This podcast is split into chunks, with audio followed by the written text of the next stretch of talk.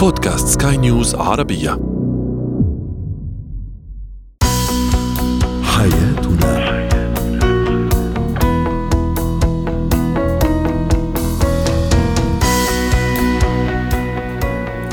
مستمعينا الكرام أهلا بكم معنا إلى حياتنا فضاؤكم اليومي الذي يعنى بشؤون الأسرة وباقي الشؤون الحياتية الأخرى والذي يمكنكم الاستماع إليه عبر منصة سكاي نيوز عربيه dot com slash podcast وباقي منصات سكاي نيوز العربية الأخرى. معي أنا أمال شاب سنتحدث اليوم عن الأسرة.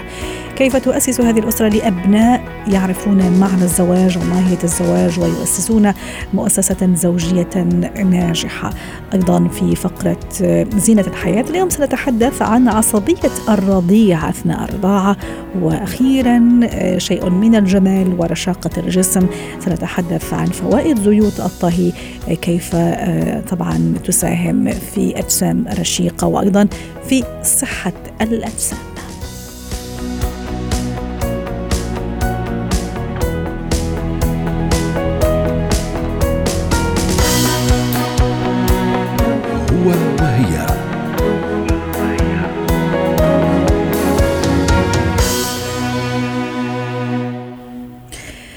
علاقة زوجية ناجحة. طبعا لا يقتصر فقط على الشريك أو الشريكة بل نؤسس لهذا منذ الصغر وفي الأسرة وفي العائلة وبين الأهل أيضا. كيف تساهم الأسرة أو كيف تؤهل الأسرة أبنائها لزواج ناجح؟ للحديث عن هذا الموضوع تنضم إلينا عبر الهاتف من القاهرة الاستشارية النفسية والأسرية أمل رضوان. يسعد أوقاتك أستاذة أمل.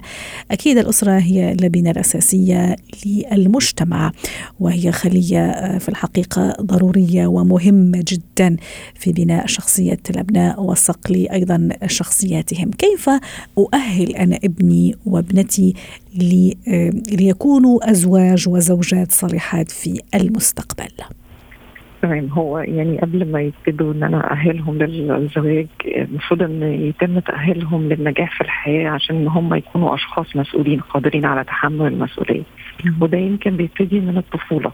إن أنا أعلم الطفل إن هو يكون قادر إن هو يتحمل المسؤولية عشان لما يكبر ويشتغل ويبتدي إن هو يفكر في الزواج هنلاقي إن هو شخص قادر فعلا يتحمل مسؤولية.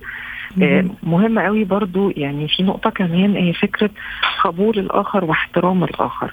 يمكن مع الأسف في المجتمعات الشرقية في بعض الأسر بيحصل تمييز الولد عن البنت فبالتالي ده بيكون مستقبلا سبب في نزاعات وصراعات كتير بين الزوجين لأن الرجل ممكن ينظر نظرة دونية شوية للمرأة.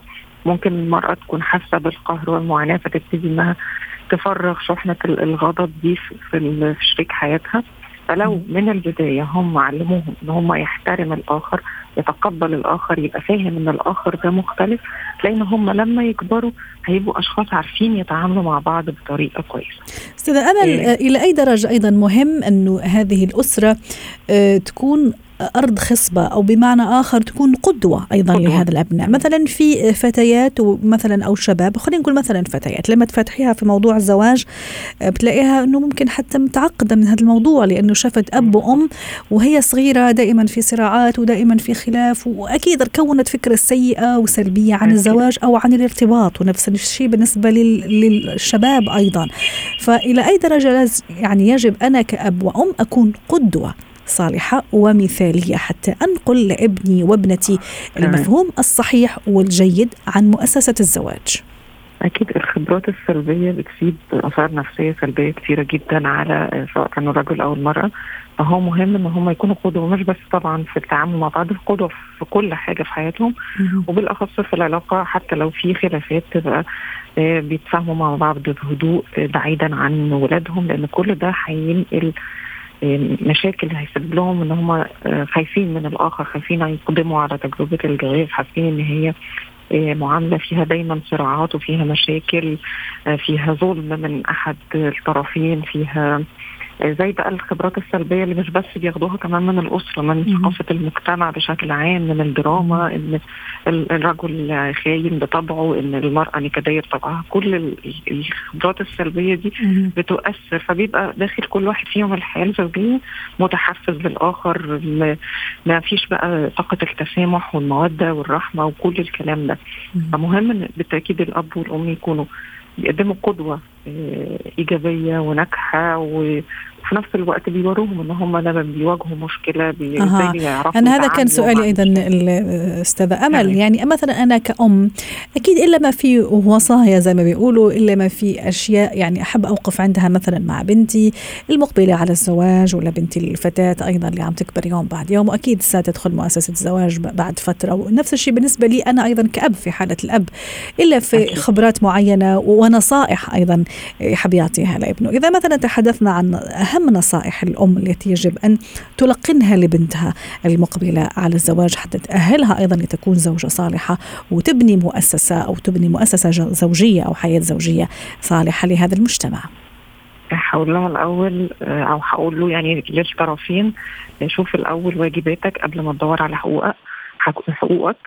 آه كمان مهم قوي اختار الشخص الأنسب ليك مش الأفضل. يعني الشخص المناسب اللي شبهك اللي أنت عارف تتفاهم معاه. أقول إن لازم الحياة الزوجية قايمة على آه، فهم إن الجواز ده مسؤولية مش مجرد فسحة وفرح وسفر وهانيمون والكلام ده لأ هو. حياة مستقبلية فيها مسؤولية. اختار شريك حياتك اللي تقدر تكمل معاه. يعني ما تبصش للماديات على قد ما انت تشوف الإنسان ده انت هتستريح معاه ولا لأ. آه، اقبل الآخر كما هو وافهم ماهية الاختلاف ان إن الرجل مختلف عن المرأة مش عشان إن هم يتحاربوا لأ بالعكس عشان كل واحد فيهم له دور مختلف عشان يكملوا بعض.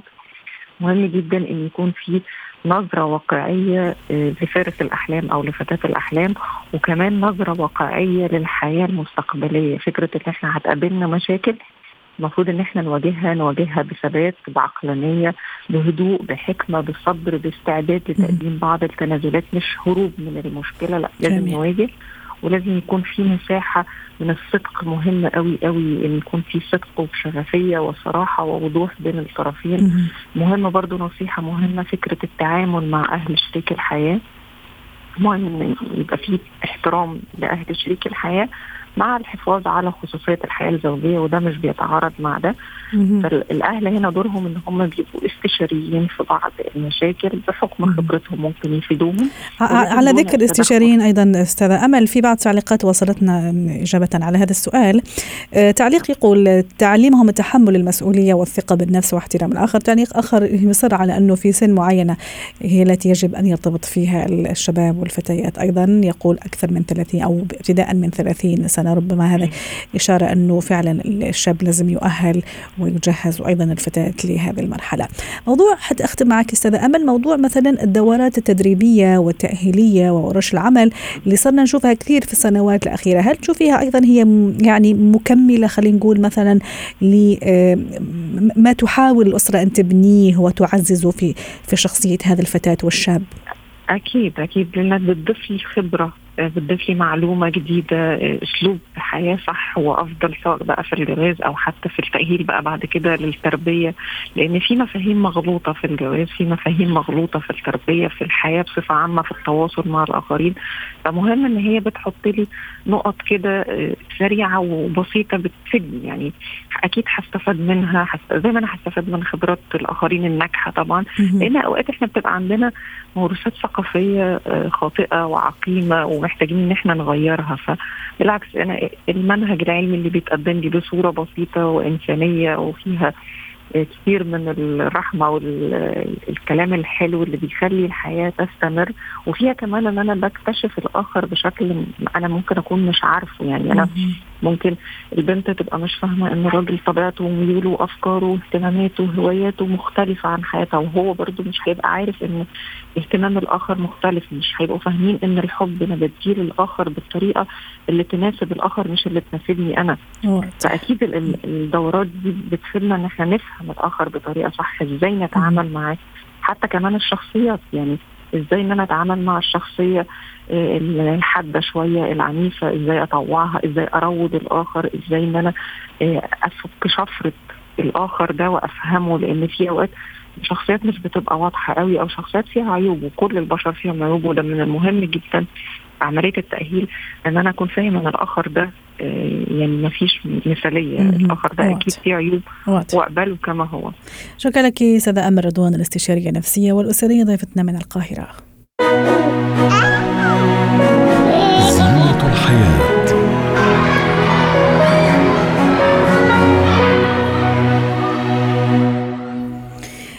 في زينة الحياة سنتحدث عن الرضيع تحديدا عصبية الرضيع أثناء الرضاعة. لماذا يبدو بعض الرضع أحيانا عصبيين وهم أو أثناء الرضاعة؟ أحيانا فجأة يتوقف عن الرضاعة ويدخل في نوبة من البكاء. ممكن حتى حركات وجه تنم على أنه فعلا هو عصبي. للحديث عن هذا الموضوع ينضم إلينا عبر الهاتف دكتور عماد محمد الشافعي اختصاصي طب الأطفال وحديثي الولادة يسعد أوقاتك. دكتور عماد ما الذي يجعل رضيع عن آخر يعصب بين قوسين؟ ويدخل في نوبة من العصبية أثناء الرضاعة. الأول السلام عليكم. أهلا. وسهلا. هي الحالات دي بتبقى حالات عصبية الطفل بتبقى قليلة شوية. بنواجهها في الأم اللي اول مرة ترضع. لكن الأم اللي هي يعني رضعت قبل كده أو اطمأنت للرضاعة أو اطمأنت للتواصل بينها وبين طفلها لما بيحصل حاجة زي كده بتعرف السبب على طول. الأسباب السبب الأساسي إن هو ما بياخدش الكمية الكافية. يعني هو ما شاء الله كويس وبيرضع والكميه اللي بتنزل له أو آه نقول ما فيش توافق كويس أو ما فيش ساكينج ما بيمصش كويس. يعني في حاجات بتبقى واضحة جدا للأم بتعرفها على طول. لو هنقول حاجات عضوية يعني حاجة في الطفل أساسا لا دي بتتعرف من أول يوم لو في حاجة في في في الفم نفسه مثلا زي لسان مربوط أو في قرح أو في أي حاجة ونفس السبب بيكون في آه الأم ثدي الأم. أيوه دكتور عماد إيش رأيك بعد إذنك نقسم الموضوع مثلا لشقين؟ الأسباب المتعلقة بالرضيع ثم الأسباب المتعلقة بالأم. خلينا نبتدي عم تحكي حضرتك على الأسباب المتعلقة بالرضيع. ذكرت أسباب عضوية ممكن يكون عنده مشكلة في في الفم. ممكن أيضا شعور بالمغص ولا دكتور؟ الشعور بالمغص بتعرفه الأم على طول. هو بتقدر تفرق بين ان هو عنده نوبة من نوبات المغص وتشوف هي أكلت إيه أو شربت إيه تسبب له مغص كده نزل في الحليب حليب الأم وتسبب لمغص للطفل. أو آه لسه الحليب اللي هينزل له اللي هيقعد معاه يعني كمية الحليب اللي هتنزل هتقعد معاها سنتين إن شاء الله. ما بيكونش لسه نزل في أول أسبوع تاخد فترة شوية. فتبقى كمية الحليب اللي نازلة قليله أو الطفل بيبقى عصبي جدا أو شارع إن هو يقبل على الرضاعة وبيرضع كل دقيقتين ثلاثة خمس دقائق ينام ويرضع تاني. ولكن بنحب نطمن الام ونقول لها ده عادي. اطمني شوية بشوية فترة الدقيقتين دول هيبقوا ثلاثة هيبقوا خمسة هيبقوا 10 لغايه ما توصل 20 دقيقة وده الام بتحس براحة بعدها التسنين أيضا دكتور عماد. هل يكون من بين الأسباب اللي تخلي الطفل أيضا أو الرضيع عفوا يدخل في هذا الفترة أو هذا النوبة من العصبية أثناء الرضاعة؟ هو التسنين طبعا الأسنان سبب بيبقى واضح بتعرفه الأم على طول بس ده بيبان عند شهرين ونص ثلاث شهور بتبتدي الأسنان تتكون تحت اللثه ما بتطلعش دلوقتي بتبتدي تتكون وبتبقى يعني بتألمه شوية وبنقول للأم لا معلش دي بداية الأسنان بتتكون مش هتطلع دلوقتي بتطلع ونشوفها ونحس بيها على ست شهور سبع شهور. في التوقيت العادي اللي الامهات عارفاه كلها. الحين دكتور عماد شعور الرضيع بعدم الخصوصية مع أمه بمعنى ممكن في ضوضاء كثيرة، ممكن في ضجيج، ممكن في حتى وجود غرباء يعني حواليه، ممكن هذا يخليه يعني مش في, في وضعية مريحة. ما رأيك؟ هو ال هو ال ال ال الأم أكتر عشان هي اللي بتبقى بتعرف تتمكن وتخليه يتمكن من الثدي إزاي. لكن هو الأصوات المزعجة المرتفعة طبعا بتخليه يلتفت ليها أو يبص ليها. لكن لو هو مقبل على ال على ال على الثدي وفي توافق كويس تأثيرها بيبقى ضعيف جدا أكتر من تأثيرها على الأم نفسها وانتباهها والانتباه لكيفية الرضاعه يعني. جميل. طب نروح الآن للأم ممكن أسباب متعلقة بالأم نفسها يعني تؤدي إلى هذا هذا المشكلة أو لهذا العرض إذا صح التعبير. شو ممكن نقول عن الأسباب التي تتعلق بالأم؟ الأول سبب الأم بتبقى يعني الأم لسه أول مرة ترضع بتبقى خايفة وبتحب تفضل دايما إن هي تدي حليب صناعي علشان بتبقى المرضعة كافية وتحس إن هو بياخده بيشبع بعدها على طول. فالحمد لله لا يعني دول ربنا خليهم إن هم ياخدوا من حليبك حليب الأم. لما ياخدوا حليب الأبقار بيتسبب له في مغص وبتسبب له في غازات هتصطدمي بحاجات إحنا طوينا عنها. فبنديها أكتر حاجة ثقة في نفسها. اطمئني الحليب ده شيء طبيعي هينزل لك هينزل له مع الوقت وحاولي تتمكني من آه، خلي الطفل يتمكن من الثدي كويس. يعني نفهمها إنه الرضاعة دي ريفلكس رد فعل. يعني زي مثلا لما تقرب صباعك على عينك كده غصب عنك بتقفلها. م. نفس الحكاية بالنسبة للرضاعة. لو الطفل يتمكن من الثدي كويس بيحصل اثاره لل sucking reflex ده اللي هو رد فعل المص أو الطفل لو تمكن كويس وحصل اثاره لل sucking reflex ده هت هت هيرضع كويس والحليب هيجي ممتاز. دي أكثر حاجة بنفهمها الام يعني. دكتور عماد الناحيه النفسية للأم هل تنعكس على الطفل بمعنى إذا كانت ممكن هي متوترة متعصبة شوي من شيء معين ممكن حصل؟ هل هذا راح ينعكس على الرضيع؟ وبالتالي المحافظة على الهدوء على برودة الأعصاب على يعني إنه تكون هادئة أيضا راح يخفف من هذا المشكلة إذا إذا صارت للرضيع. جدا. ما شاء الله عليك. جدا. مهمه قوي قوي الراحة النفسية للأم. م. الطمأنينة والطمأنينة اللي هي مسكينة تسع شهور والطفل ده سليم والطفل ده هعرف ارضعه ولا لأ؟ اختبار كامل بالنسبة للأم ولازم تاخد الثقة من التواصل مع الدكتور. ده مهم جدا طبعا راحتها النفسية وراحتها الطمأنينة الراحه النفسيه والطمانينه بتيجي من ثقتها في آه، موقفها الطبي. صحيح. يعني وهذا نشوف بعض الأمهات دكتور عماد خاصة الآن يعني في السنوات الأخيرة آه، نعم. ممكن تحرص أنه تتحدث مع الرضيع يعني ومع الطفل يعني في أثناء عملية الرضاعة. ممكن هذه أيضا تعطيه كذا شوية من من الطمأنينة. هو الحديث أكثر منه التواصل من العين بنسميه eye contact صحيح, صحيح. يعني بتحط عينها في عين الطفل ده بيوصل جدا وخصوصا كمان وأجمل حاجة لما بيديها ال social smile بيبتسم ده شيء جميل بنسأل الأم عليه دايما دوري عليه. وأنت بترضعيه خلي عينك في عينيه عشان يديلك social smile. وده مهم قوي قوي لتطور المخ وال brain development يعني الطفل اللي, اللي مهمل ما فيش تواصل بالعين معاه بيتأخر شوية في نشاطه أو التواصل الاجتماعي. وعادة مثلا هذا الفترة دكتور ما طول صح؟ يعني هي هي غير مقلقة مقلقة عفوا. آه، هي ممكن لحظات وممكن حتى أيام وتعدي. أي فترة عفوا. القصدي أن الموضوع هذا اللي هو مشكلة العصبية عصبية الرضيع أثناء أثناء الرضاعة. لا هي مهمة لازم يكون في توافق ما بين الأم والطفل لازم تحس إن هو شبع وشبعان من الثدي وإن هو متمكن إنه في راحة وتحس ان هو بيرضع فعلا. لو ما حسيتش بكده تروح للدكتور طبعا. طبعا لا لا لا لو لو في أي ألم أثناء الرضاعة ما لو في تشققات في الحلمه لو في عصبية الطفل ما بيتمكنش كويس وبيبكي على طول لا لازم طبعا آه، تصبر 24 ساعة وتتواصل مع الدكتور اللي بتتابع معاه. لا لا عرض مش مش مش بسيط. الطفل لازم يرضع ولازم يستقر ولازم يهدى لازم ال quality of life تبقى كويسه هما الاثنين مرتاحين. ما يبقاش واحد عمال بيعيط طول طول النهار وهو مش عارفه ترضعه لازم طبعا تروح للمكان اللي ولدت فيه وبيعلموها الحاجات دي بتبقى بسيطة جدا. تكات صغيرة بنساعدها ما بين الأم والطفل بتطمئن وبترتاح. صحيح. شكرا لك دكتور عماد الشافعي اختصاصي طب الأطفال وحديثي الولادة كنت معنا عبر الهاتف. جمالك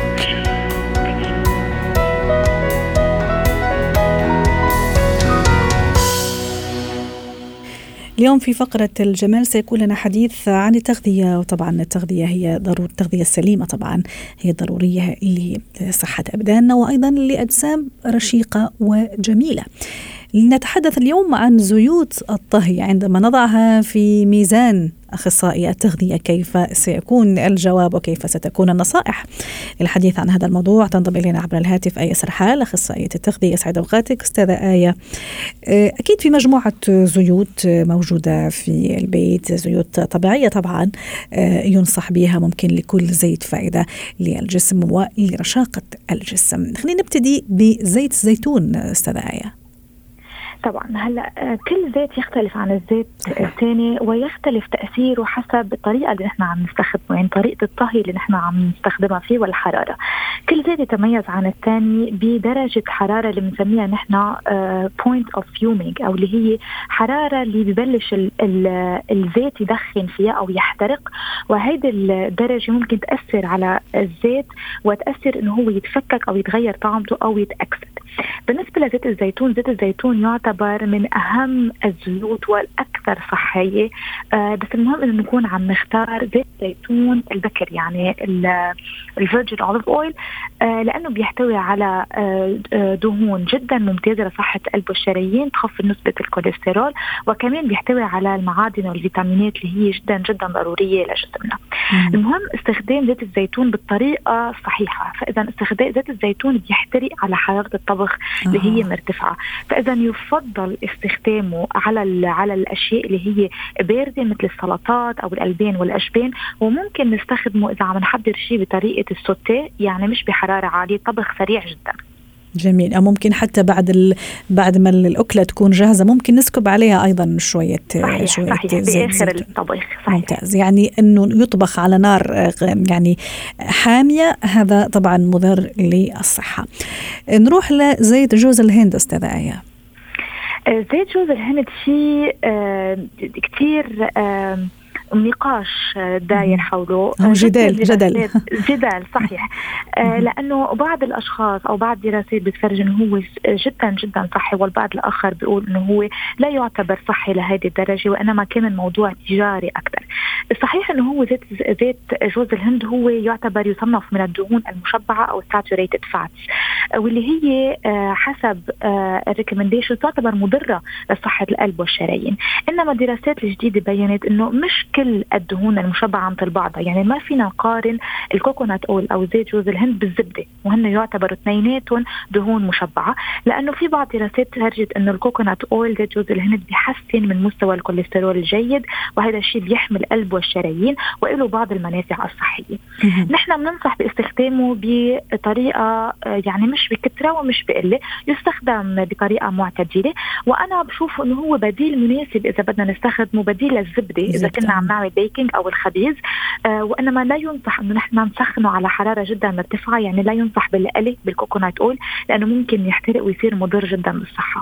وطبعا هذا دائما لما نقول صحة جيدة أكيد الهدف أيضا من بين الأهداف ويكون مثلا أجسامنا أيضا تكون أجسام رشيقة ومتناسقة لأنه أكيد كثرة الدهون ستؤدي بمشاكل وحتى أيضا في شكل الجسم. الأفوكادو أيضا أستاذة آية اللي يعتبر فاكهة يعني number one يعني اخصائي تغذية ينصحوا فيها في الحقيقة لأنه فيها دهون دهون طبيعية أيضا.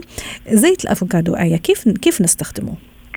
زيت الأفوكادو يعتبر زيت ممتاز جدا للاستخدام على حرارات مرتفعة، يعني لأنه هو جدا ثابت لا ما بيحترق بشكل سريع ويعتبر مصدر ممتاز للدهون الصحية والدهون اللي هي جيدة جدا للقلب والشرايين، ما بيحترق بسرعة ابدا، ممكن نستخدمه بال إذا الشخص حابب إنه يطبخ على حرارة عالية مثل ال roasting أو الطبخ بقلب ال oven الفرن، وحتى إذا بدنا نقلي شيء بشكل سريع هلا طبعا نحن بننصح إنه الاشياء الأكل ما يكون مقلي، إنما إذا اضطرينا استخدامه ممتاز جدا. يعتبر من الزيوت اللي هي غالية يعني سعرها مرتفع نسبيا. والأشخاص اللي ما بيقدروا يتحملوا هيدي الكلفة ممكن يستخدموا ال avoc يبدلوا ال avocado oil بالزيوت النباتية خاصة الكانولا اويل وزيت الدور الشمس أية؟ دوار الشمس من الدهون من الزيوت النباتية. آه هو المشكلة بالزيوت النباتية هي جدا ثابتة على حرارات عالية غير مضرة بالصحة إذا استعملناها على حرارة عالية إنما هي زيوت مكررة بشكل آه مكثف. وهذا التكرير بيخلينا نفقد القيمة الغذائية فما بيكون لهم أي قيمة غذائية ومنفعة صحية لجسمنا يفضل آه استبدال الدهون الزيوت النباتية بال canola oil اللي هو الزيت المستخرج من بذور اللفت. واللي هو حاليا عم بيتم تدعيمه بالأوميجا 3 وهو عنصر كثير أساسي نحن بحاجة له كرمال الصحة الجيدة كرمال المناعة والذاكرة كمان وهو مم. كمان يعتبر زيت كمان stable آه ما بيتأثر بالحرارة العالية. ومن بين الزيوت أيضا المهمة جدا أي طبعا هي مهمة في مجال التجميل كبشرة وما إلى ذلك وشعر آه زيت الأرجان أيضا لكن في عنده نسخة اذا صح التعبير للأكل وهي نادرة جدا أيضا وتعتبر من الزيوت الغالية جدا. صحيح تعتبر غالية جدا والأشخاص ما يستخدموها إلا مثل ما حضرتك ذكرتي للتجميل أكثر ومش بال مش بالطبخ. ما بنعتبر نحن عم نصنفه زيت للطبخ. من بين الزيوت أيضا اللي ينصح فيها زيت بذور بذور الكتان. هل فعلا صحي؟ يعني نتيجته كويسة خاصة للناس اللي حابة تعمل دايت مثلا وتحافظ على على أجسامها؟ هلأ أنا رح هون أذكر شغلة. كل الزيوت بتحتوي على نفس السعرات الحرارية. فإذا بالنسبة لزيادة الوزن أو خسارة الوزن كلهم هن رح يأمنوا لنا نفس السعرات. فالمهم إنه نحن نتحكم بالكمية شو ما كان نوع الزيت. إنما يفضل استخدام الزيوت الصحية لنحافظ على صحتنا وما يكون في عنا أي خطر على صحة القلب والشرايين. آه زيت بذور الكتان أفضل أفضل أفضل الزيوت. هو طبيعي الأوميجا 3 لأنه صح؟ صحيح غني بالأوميجا 3 واللي هو بنلاقيه عاده بالأسماك وجسمنا غير قادر إنه يصنعه. والأوميجا 3 من الأشياء اللي هي تعتبر مضاد للأكسدة للمناعة آه للبشرة للشعر كمان مفيد جدا. إنما المشكلة بهيدا الزيت إنه ما ممكن ابدا ابدا نستخدمه بالطبخ آه. ويفضل بس استخدامه بالأكلات الباردة. ممكن صحيح تزيين مش على الطبخ نهائيا ولا حتى بعد انتهاء الطبخ مثل زيت الزيتون ما لازم نزيده على الأشياء السخنة نهائيا. ممكن حتى راح أضيف أنا نقطة ست آية إنه بالنسبة للتخزين وأيضا يفضل إنه يخزن في مكان منخفض الحرارة كالثلاجه يعني مش كبقية مثلا الزيوت كزيت الزيتون وما إلى ذلك. صحيح م. أهم شيء الزيوت جميع الزيوت تخزن بعيد عن الضوء كمان يعني حتى انان الزيت آه. تكون أنانة مش شفافة لأنه إذا حطينا الزيت بمكان في ضوء الزيت ممكن يتأكسد وهذا الشيء بيأثر على الطعم وكمان آه. على نوعية المنتج وحتى وحتى الحفظ إيه حتى نختم في آخر نقطة إنه الحفظ ما يكونش أيضا في اناني بلاستيكية اناني زجاجية صحيح دائما لازم يكون باناني زجاجية لما يصير في تفاعل بين البلاستيك والزيوت وهذا الشيء ممكن يكون مضر بالصحة شكرا لك يا أيسر حال سعدتينا اليوم بهذه المشاركة؟ يعطيك العافية أخصائية التغذية كنت معنا عبر الهاتف.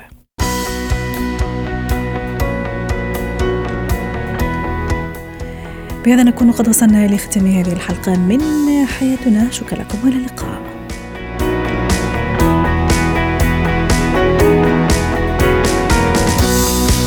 حياتي